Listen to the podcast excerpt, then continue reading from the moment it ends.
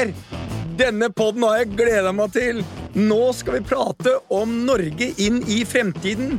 Altså Norge, olje og fisk. Men fremtiden handler om at vi må konkurrere i langt flere disipliner hvor det er beinhard global konkurranse. Hva er fremtidsnæringene? Eller hvilke er fremtidsnæringene? Hva skal vi drive med for å lykkes? Ikke bare på hjemme, men mest av alt på bortebane. Jeg har stjålet litt fra McKinseys siste bibel av en rapport, som heter Norge i morgen. Ti mulighetsnæringer i, eller for Norge. Og jeg må si en ting. Dette er moro. I en urolig verden så er det noen som peker fremover mot en blå planet og sier det er retningen vi skal gå i, og det skal vi snakke om i dag! Og vi har med to dritfete deltakere! Ja, vi har det. Eh, jeg tror jeg, bare for å eh, roe ned den entusiasmen litt, så tror jeg det er vanskelig å komme utenom å snakke litt om konsekvensene av krigen i Europa, Petter. Jo, og det kan vi gjøre, men, men, men, men vi må også uh, se fremover. Nå har det vært korona, det har vært pandemi, det er en uh, ekstremt urolig situasjon i Europa. Uh, så Per, da kan du si noen velvalgte ord om det, før vi igjen går tilbake Nei. til at vi må se fremover. Og det er optimistene som har bygd landet, ikke pessimistene. Du, jeg sier ikke at du er pessimist, men du, du faller jo ofte litt ned på den sida. Ja, det gjør jeg. Det tror jeg du har rett i. Men eh, la oss heller introdusere gjestene våre, fordi vi har jo, eh, som alltid, eh, plukket fra øverste hylle. Ja. Vi har Silje Skjelsvik, klimastrateg i Sveko, og du er kåret til, Silje Nei, du kan si det selv, forresten. Den DN-prisen, hva er det du ja. Eh, Hva var det? Årets ledestjerne. Årets ledestjerne. 2020. Ja. Stemmer. Det er en ganske fin uh, tittel å ha. Ja, det var helt sinnssykt. Det var en utrolig stor motivasjonsboost. Det er veldig deilig når man har jobbet uh, beinhardt i mange år, å prøve å skape grønne arbeidsplasser og engasjement rundt klimasaken, og uh, få litt oppmerksomhet og ja, bli litt sett. Var det mm. ditt gjennombrudd, vil du si, som klimastrateg, at du fikk den prisen, eller var det bare en anerkjennelse, eller begge deler? kanskje begge deler. Det mm, løfter jo fram det arbeidet som jeg holder på med, og det viser jo litt sånn tyngde i det jeg gjør. At det er andre som anerkjenner det jeg holder på med. Og ja, det var flere som tok kontakt etter eh, den prisen den eh, våren, så det, det var ikke dumt, det heller. Nei. En som ikke trenger mer anerkjennelse, det er eh, McKinsey og Fridtjof Nordmann Lund, eh, sjefen for McKinsey i Norge. Velkommen, Fridtjof. Tusen takk. McKinsey er jo myteomspunnet. Det er jo et management consulting-selskap, eh, blant annet. Jeg vil tro dere driver med en del annet òg, men altså, dere dere har en sånn aura over at verka ikke synes, ikke sant? Og, og, men det har dere gått litt bort fra nå med denne rapporten Petter viste til, blant annet. Ja, vi har begynt å hvert fall åpne opp uh, litt mer, uh, og dette er jo en del av det. Ja. Føles det eh, rart? Å være her i dag, for eksempel, og, og, og snakke ja, det var i hvert fall altså Nå har vi i og for seg gjort det en liten stund, men, eh, men, det ligger liksom ikke i vår eh, kultur, eh, egentlig, det å være såpass altså hvert fall, Nå er vi ikke voldsomt åpne, men vi er jo på en måte åpnet opp. I forhold til hvor dere var, så er det blitt veldig åpne. Hvor vi, er, hvor vi var, så, så, er vi jo kommet lenger. Men det er klart, det, som jeg nevnte til noen, bare det å publisere en rapport med, med faktisk med bilder i, det er jo liksom allerede det her å ta det, ta det liksom et, en, en form for vulgær fortelling fortellerteknikk, det. Sjokkerende at det skal være interessant. Nei, og så har dere det jeg eh, likte med rapporten, er at dere har nesten, det, det, tenderer nesten til å bli litt sånn eh, populistiske eh, overskrifter, og til, til, å være McKinsey så er dette nesten tabloid. Det er, det er sånn, ja, til og med mellomtitler for å bryte opp teksten. Ja, ja. Det er, det er sånn, Norge kan bli industriens svar på Silicon Valley. Altså, det, det er liksom, dette var uvant og gledelig for meg. Men dere, la oss komme til uh, dagens tekst, da. Ja. Uh, I denne rapporten Norge i morgen så peker dere blant annet på ti næringer som dere tenker kan gi Norge mange hundre tusen nye arbeidsplasser de neste tiårene. Uh, og, og jeg vil tro, uten å ha lest rapporten, at noe av hypotesen der er at det vil være en gradvis dreining bort fra olje- og gassektoren, både ute på havs, men også den oljeserviceindustrien som er i Norge, og som er en viktig arbeidsgiver for mange. Eh, og over mot andre industrier. Eh, kan du si litt om både den, det skiftet dere ser komme, og eh, litt om hvilke type arbeidsplasser vi vil få i stedet for i olje og gass? Ja, akkurat skiftet som vi ser komme, det, det, tror jeg ikke vi er alene om å se. Altså, det ligger jo litt i naturen på lengre sikt. Nå mener ikke vi at dette skjer over natten, og det tror jeg de fleste også i dagens situasjon ser at vi, vi kommer til å leve godt med olje og gass i en del år til. Samtidig så må vi forberede oss på hva som blir virkeligheten når vi går mot netto null i, i 2050. Um, og det er klart at da ser vi en dreining over på andre i hvert fall muligheter som vi må vurdere som land. Og så var jo, Vi mener jo, og det er litt eh, hva skal jeg si, utgangspunktet for denne rapporten, det er at vi antageligvis har den beste muligheten vi har hatt på kanskje på 50 år til å faktisk forme vår egen egentlig fremtid nå som nasjon. Eh, og, har, eh, og, så er det masse diskusjon om hva som er mulighetene fremover, og ganske sånn polariserte synspunkter på det. Eh, og ikke alltid kanskje så mye fakta, så det var litt bakgrunnen for at vi ønsket å se på altså Vi er glad i analyse, og vi er glad i, i fakta, og rett og slett se på hva er på en måte mulighetene vi har, og prioritere de og regne på rett og slett hva vil det bety i forhold til BNP-bidrag eh, og verdiskapning rett og slett, og arbeidsplasser. Men jeg, jeg syns det, det, er enormt positivt å uh, se rapporten deres. Men Silje, jeg, og vi må bare dra inn en sånn de som hører på oss, vet hva er vi snakker om.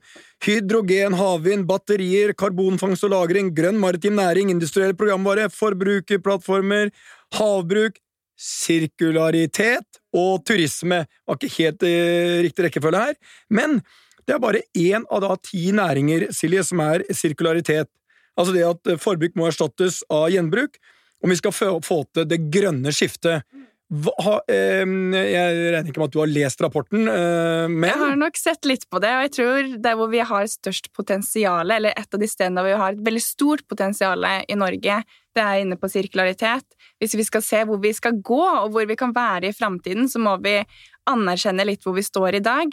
Norge er milevis unna mange andre land i EU på sirkularitet. Vi ligger på 2,4% på sirkularitet, som betyr at over 97 Men Silje, det er ikke ja absolutt alle som hører på dette, som vet hva sirkularitet er. Kan ja. du gi liksom en elevator pitch? Hva er det? Ja, altså Sirkularitet det handler om at eh, materialer og ressurser som vi bruker i dag, skal få en lengre levetid og designes for at de skal kunne brukes igjen flere steder i verdikjeden.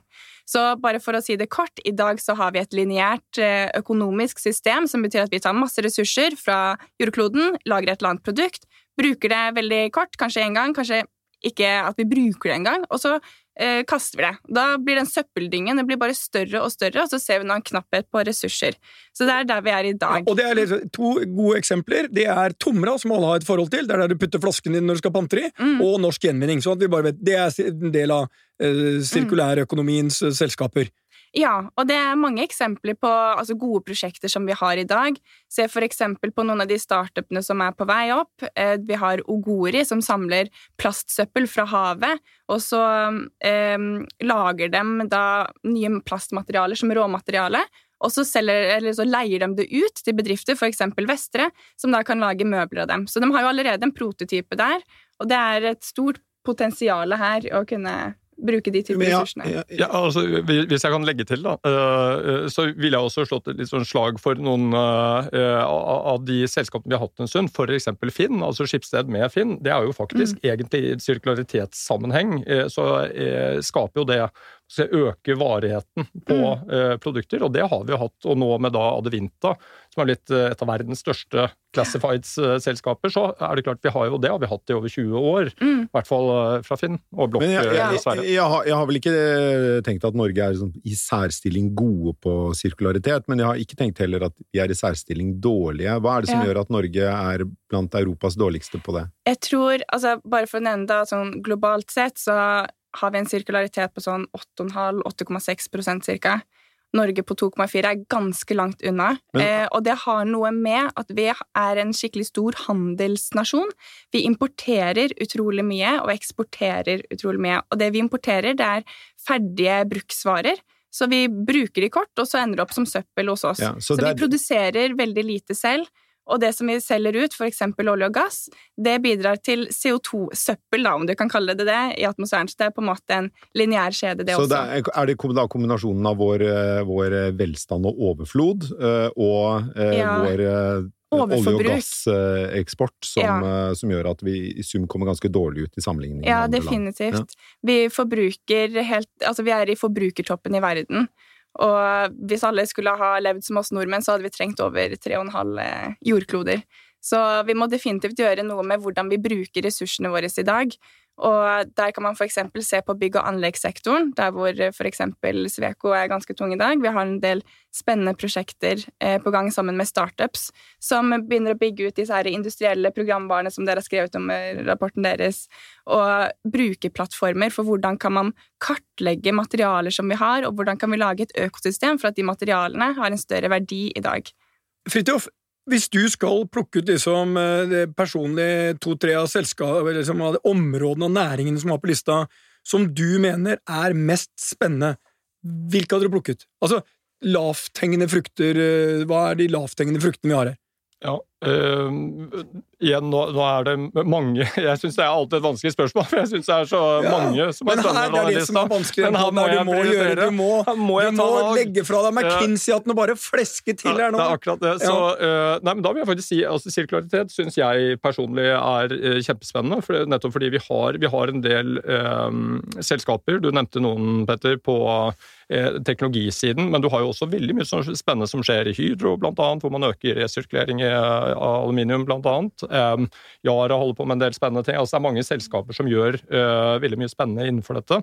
Så, uh, så uh, jeg er enig at sirkularitet ville vært en av mine. Og så mener jeg havvind, og litt gitt konteksten vi er inne i nå skal vi ikke gå Det er, går kanskje kjempetungt inn i, i havvindsdebatten, den, den, skjer mange andre steder, men det er klart at vi kan spille en rolle i europeisk si, energisikkerhet fremover. Og halvparten, altså det er jo greit å vite, frem mot netto null så skal det da bygges ut mye havvind. Halvparten av det skal skje på, eh, i Nordsjøen. Eh, så det er klart vi har et veldig godt utgangspunkt der, eh, og vi har mye kompetanse vi kan bruke. Og så henger jo de næringene sammen også, fordi skal vi bli best på havvind, og det skal være morgendagens næring som vi skal høste fra, så må vi tenke sirkularitet der også.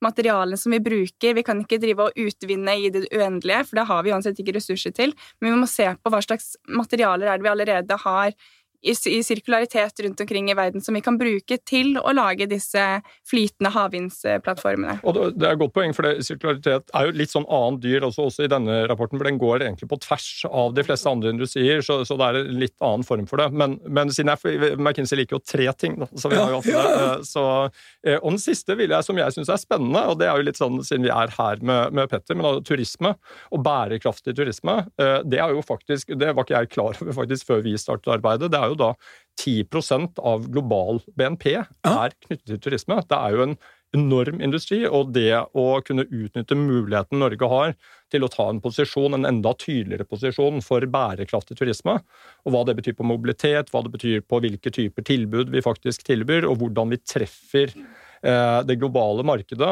enda bedre. Det syns jeg også er veldig spennende. Det, det, underliggende temaet her er jo det, det, litt sånn banale hva skal vi leve av etter oljen? Eh, eh, ikke nødvendigvis i kroner og ører, men i arbeidsplasser. Turisme er jo en næring som er ekstremt arbeidsintensiv, og ikke i samme grad kapitalintensiv. Eh, mens havvind, sirkularitet, er jo typisk svært kapitalintensive, Du har mye til felles med, med, olje- og gassektoren, men krever ikke så mange mennesker som gjør jobben her hjemme. Så hvor kommer arbeidsplassene fra de neste tiårene i Norge? Det er jo kompetanse. Vi må jo tenke på tjenester. Eh, kompetansen som vi allerede har på IT og på klima og bærekraft, som er veldig etterspurt i næringslivet i dag, det er kompetanse som vi kan selge. Vi vet at vi er i verdenstoppen på klima, meteorologi og oseanografikompetanse. Vi har mye på bærekraft og IT og grønn teknologi, så det er kompetanse som vi kan selge av og høste mer av hvis vi klarer å endre på forretningsmodellene våre. Mm. Og, og, og, så er ikke jeg helt enig, altså jeg tror du nevnte at du hadde ikke lest rapporten ennå, så da er det min anbefaling ja, nei, jeg, at du, at du leser rapporten. Ja. Fordi eh, faktisk så har havvind en av de hvor vi estimerer at man får flest arbeidsplasser, mm. i og for seg, fordi det er hele leverandør, altså det er ikke absolutt alle deler av den leverandørkjeden eller verdikjeden som vi mener vi kan vinne i, men veldig mange deler av det um, på leverandørsiden. Så vi, um, så vi mener at det ligger at... Vi estimerer at det er en av de som uh, Vi sier 36 000 nye arbeidsplasser av å på en måte, Hvis vi hadde trykket på knappen i dag, frem mot 2030, og vi tror at det er et stort potensial. Okay, og, og, og 2030, det som er interessant der, 2030 er jo ikke langt unna. Nei, det er ikke det. Og mitt spørsmål er McKinsey liksom uh, rustet til å rådgi eh, anbefalingene de her gir og sier at dette er framtidsnæring? Er dere klare for å rådgi og si dette tror vi? Når vi snakker om havvind, da, som, er, som jeg syns er veldig spennende, og bare når jeg ser bildene i rapporten Jeg ante ikke dimensjoner på det, men når dere sa hva var det Chrysler-buildingen og eh, Eiffeltårnet og Oslo rådhus og et bygg til, og plutselig så står det der havvindstørrelsen på 270 meter. Det er liksom eh, Og nå Det blir jo en visuell sak, men dette er jo en enorm spennende liksom, mulighet for Norge til å bli kanskje verdensledende på et område. Eh, er dere klar for liksom, Har dere ressursene til å være med og si ja, Nå tror jeg mange har det. og bare så det også er tydelig, Vi rådgir på en måte, eh, vi er jo egentlig sånn industriagnostiske sånn sett i vår rådgivning, så vi rådgir også veldig mange som ikke er her, eh, rett og slett, eh, i den rapporten, som da også kommer og sier ja, men hvorfor er ikke vår industri, hvorfor er ikke finansnæringen i rapporten, hvorfor er ikke eh, helseteknologi etc. Ja, men det, det høres ut som Peter, du spør om, det høres ut som du mener at svaret på hva skal vi leve av etter oljen er McKinsey. Men eh, det er, nei, men nei, jeg, jeg, jeg, har lyst til å spørre om dette med havvind. For det er interessant hvis det er 36 000 arbeidsplasser frem mot 2030. Det betyr altså at vi ikke bare skal sette opp havvind, eh, havvindmøller eh, og, og, leve av å selge strømmen, men vi skal også produsere, da, antar jeg, havvindmøller. Ja, deler tror vi Ser du kanskje ikke akkurat turbinbiten tror vi kanskje er på en måte tatt, men, men de fleste andre deler av verdikjeden, inkludert installasjonen og vedlikehold og hele biten. Så hele dansk selskap som er verdensledende på ja. mm. Og de har klart en ganske imponerende omstilling fra å være så tungt innenfor oljen, og på ti år mm. klare å omstille seg og være tyngst inne på havvind og fornybar energi. Danmark, ja.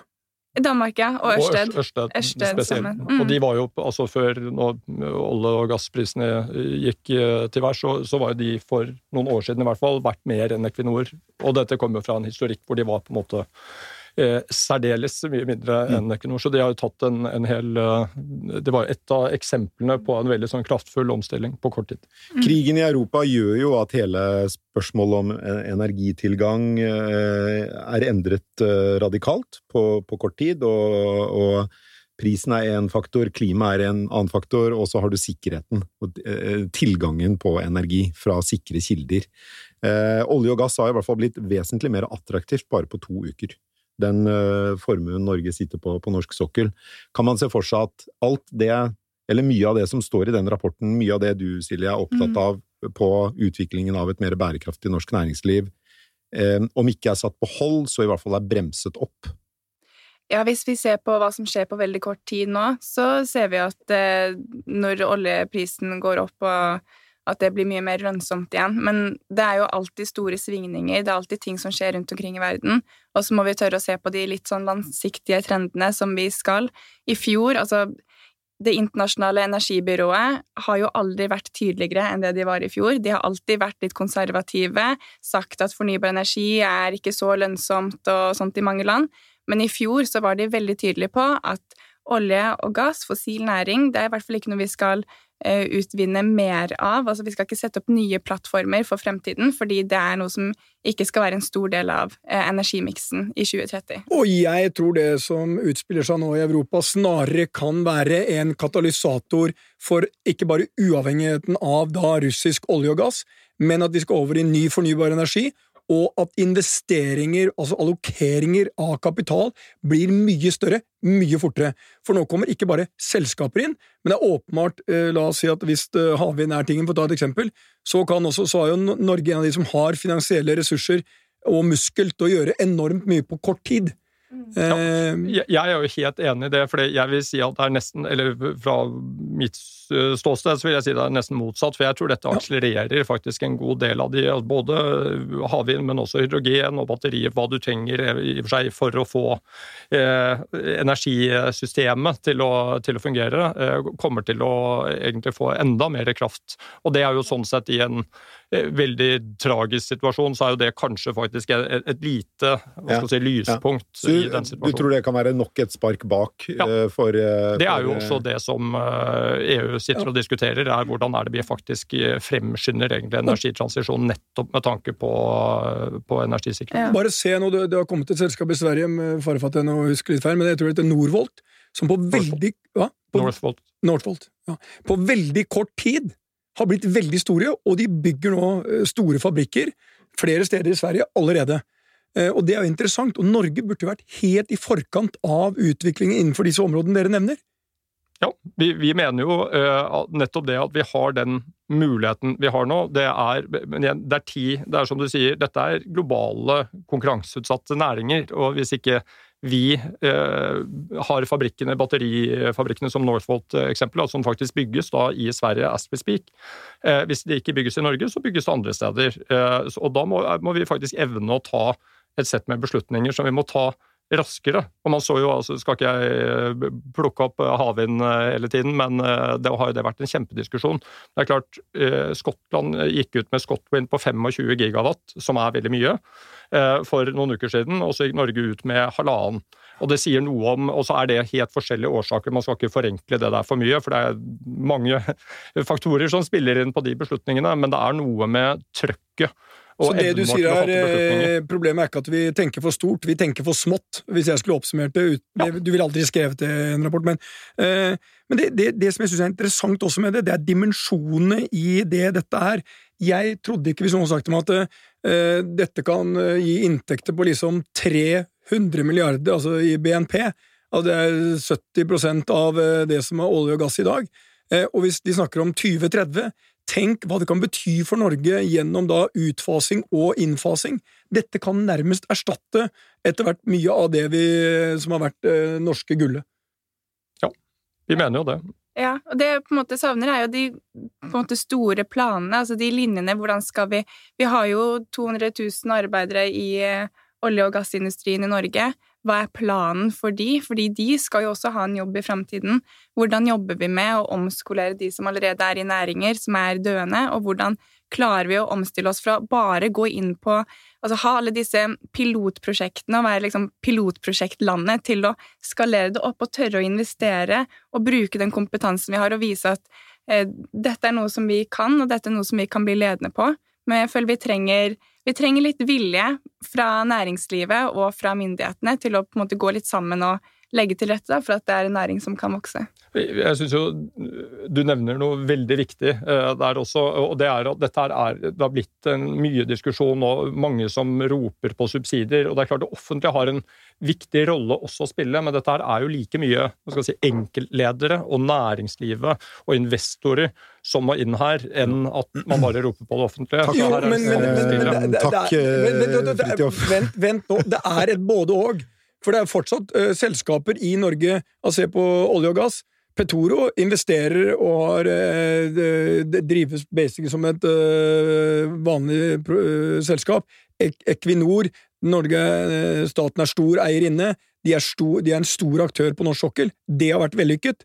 Hele den politikken vi har hatt, har vært vellykket. Og hvorfor kan de ikke gjøre litt av det samme innenfor blant annet havvind? Men eh, det man Jeg vet du ikke norsk... liker at uh, stat skal evalueres, men med, Nei, med 11 000 milliarder hører, som vi investerer i alle mulige ting det, Jeg ville investert noe av de 11 000 milliardene i nettopp disse ja. ti næringene. Nei, Tenk men... hva det kunne betydd, Per! Prøv å fri deg fra dine, ditt gamle ståsted og tenke nytt. Fridtjof, du nevnte jo at dette, det, Norge står overfor nå, er sannsynligvis det største skiftet i norsk næringsliv og strukturen og sammensetningen i norsk næringsliv på 50 år. Og jeg tror at du ikke sa 50 år eh, tilfeldig. Det var jo da det norske oljeeventyret startet. Tidlig, tidlig 70-tallet. Eh, og det norske politikere gjorde den gang, var jo ikke å gå tungt inn og subsidiere noe som var ulønnsomt fra dag én, som man håpet skulle bli lønnsomt år tre. Det var jo noe man, man gikk jo tungt inn på eiersiden i en sektor som man visste var lønnsom hvis man fant den oljen man trengte. Og så ble det en suksess som følge av at private aktører dro det frem. Og det er jo en stor forskjell fra å si at nå skal vi peke ut sånn som i hvert fall jeg mener, jeg er veldig skeptisk til at uh, dagens regjering peker ut batterinæringen som en satsing som skal få store statlige midler i støtte. Fordi da peker man nettopp på én næring i stedet for å stimulere til uh, næringslivets nysgjerrighet og søken etter muligheter som kaster av seg, og, og da følger investeringen etter. Da får du, tror jeg, mye smartere beslutninger. Men jeg lurer på om folk er litt redde for å tenke nytt, altså tenke de nye forretningsmodellene på sirkularitet, fordi med oljen så var det et produkt som vi kunne selge, og det var lineært, og det var det vi var vant med. Men, og det er jo det alle altså økonomene som har utdannet seg med høyere utdanning, lærer jo om det økonomiske systemet. Og på 1800-tallet så var det en fyr som het eh, Robert Solo, som visstnok skulle ha byttet om eh, en av eh, faktorene i en formel for økonomisk vekst. Og han byttet ut land, altså at jordkloden har en fysisk tålegrense, med teknologi. Og det betyr at alle de som har tatt altså økonomisk utdanning, har for det første lært det lineære systemet, men også lært et system. Og det er jo det vi på en måte har bygd opp næringslivet vårt under også. Systemet som sier at vi ikke har noen fysisk tålegrense. Og da skulle på en måte gå over til en næring der man også må tenke sirkulært. Vi må ha to tanker i hodet samtidig. Jeg lurer på om folk rett og slett syns det er litt skummelt å gå den veien, fordi det er ikke der hvor vi har vært eh, ja, i alle år. Siden 1800-tallet, mm. egentlig. Men, ja. Hvis jeg kan få komme bitte litt tilbake, for det, det du peker på også, det er jo dette hva skal jeg si, prinsippet om næringsnøytralitet, som er, er, er, eh, ganske tungt, og som jeg tror man skal være Man skal vokte seg vel her for enkle løsninger på å si at eh, bare er det private næringsliv eller bare det offentlige. altså det, Sannheten ligger det i et samarbeid her. Men akkurat det med eh, å peke på uh, industrier. altså vi kommer jo, Våre røtter uh, som McKinsey for seg ligger jo i rådig på strategi. Og enhver strategi, da må man ta noen valg. Man må ta valg, man må, ta, man må, prioritere noe. Man kan ikke prioritere alt, det er ikke en prioritering. Så det er noe med å eh, Og så kan ikke det være bare noen få ting, man kan ikke si bare batterier. Men her, vårt poeng er at her er i hvert fall ti muligheter. Det finnes flere, men dette er de ti som vi klarte å regne oss frem til har i hvert fall størst potensial i form av verdiskapning og sysselsetting. Eh, og så eh, betyr ikke det subsidier, men det offentlige kan jo gjøre veldig mye annet. Mm. Her ligger det mye på regulering, her ligger det mye med enkelhet i offentlige beslutninger. Mm. På batterier, siden dere nevnte det, eh, i Finland så har de satt opp altså noe som heter Gigavasa, hvor det er liksom, ett kontaktpunkt for alle som ønsker å bygge ut batterifabrikker i mm. Finland, har ett kontaktpunkt.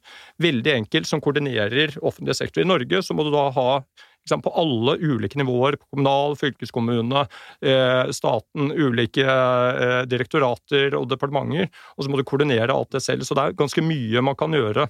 Og Et eksempel på det eh, kunne være fordi man vet at det er mye vind i Nordsjøen. Så det, sted, Man behøver ikke nødvendigvis subsidiere havvindbygging, men man kan åpne opp for å sette opp havvindmøller der. Ja, det kunne vært et sted å gå. Ok, vi begynner å nærme oss slutten, men jeg, jeg, jeg er litt sånn nysgjerrig på, på, Du var jo så vidt inne på det, eh, Fridtjof. fordi um, Summen i hvordan et lands næringsliv utvikler seg, er jo ikke nødvendigvis de store uh, retningsveivalgene politikerne bestemmer seg for. Ei heller er det isolert sett hva næringslivsledere og investorer bestemmer seg for å forfølge. Det er jo summen av uh, et samspill, og også summen av uendelig mange små beslutninger som hver for seg synes banale, men som i sum blir svært, svært viktige. Ehm, jeg vil tro at mye på sirkularitet er summen av mange små detaljer, som, eller tilsynelatende banale detaljer, som gjør sirkularitet vanskelig i et moderne samfunn. Ja, altså jeg tror vi på en måte må legge om Altså mye av det som vi på en måte ser på nå, de prosjektene vi holder på med, f.eks. innenfor bygg- og anleggssektoren, mm det er jo der vi i Norge forbruker mest ressurser, og det er der også vi har størst potensial for å omstille oss til en sirkulær økonomi. Og nå vokser det frem gründerselskaper som tilrettelegger for at man skal kunne gjenbruke materialet på nytt. Man kan gjøre en ombrukskartlegging av bygg og se på hva slags materiale er som er her. Hvordan kan vi bruke det i nye typer prosjekter? Og hvordan kan vi eksempel, du nevnte jo Finn eh, som en eh, en næring vi i Norge allerede har hatt ganske lenge, eller en bedrift som har hatt sirkularitet i sin kjerne. Og um, er det liksom Hvordan kan vi Sånn som Adaster er jo en av de nye startupene nå som har på en måte tatt det inn i bygg- og anleggssektoren. Hvordan kan vi lage slags et finn for byggematerialer, da? Ja, for Det er jo et, et sånn banalt eksempel eh, Ja. av, av den typen i bygg og anlegg. er jo at Mm. hvis, du, hvis du har et eh, gammelt næringsbygg som Mm. du ø, vil erstatte med et nytt Mm. Hvis du river det bygget i sin helhet, Mm. så, så kan du gjøre det. Men hvis du vil ø, rive alt unntatt grunnmuren Mm. Hvis du be- vil beholde grunnmuren, så må du beta- må du betale dokumentavgift på den. Så da blir det 2,5% dyrere. Det er et banalt eksempel på hvordan du Men virker altså, mot la, la, sirkularitet. la, oss, la oss løfte liksom diskusjonen litt fra grunnmuren.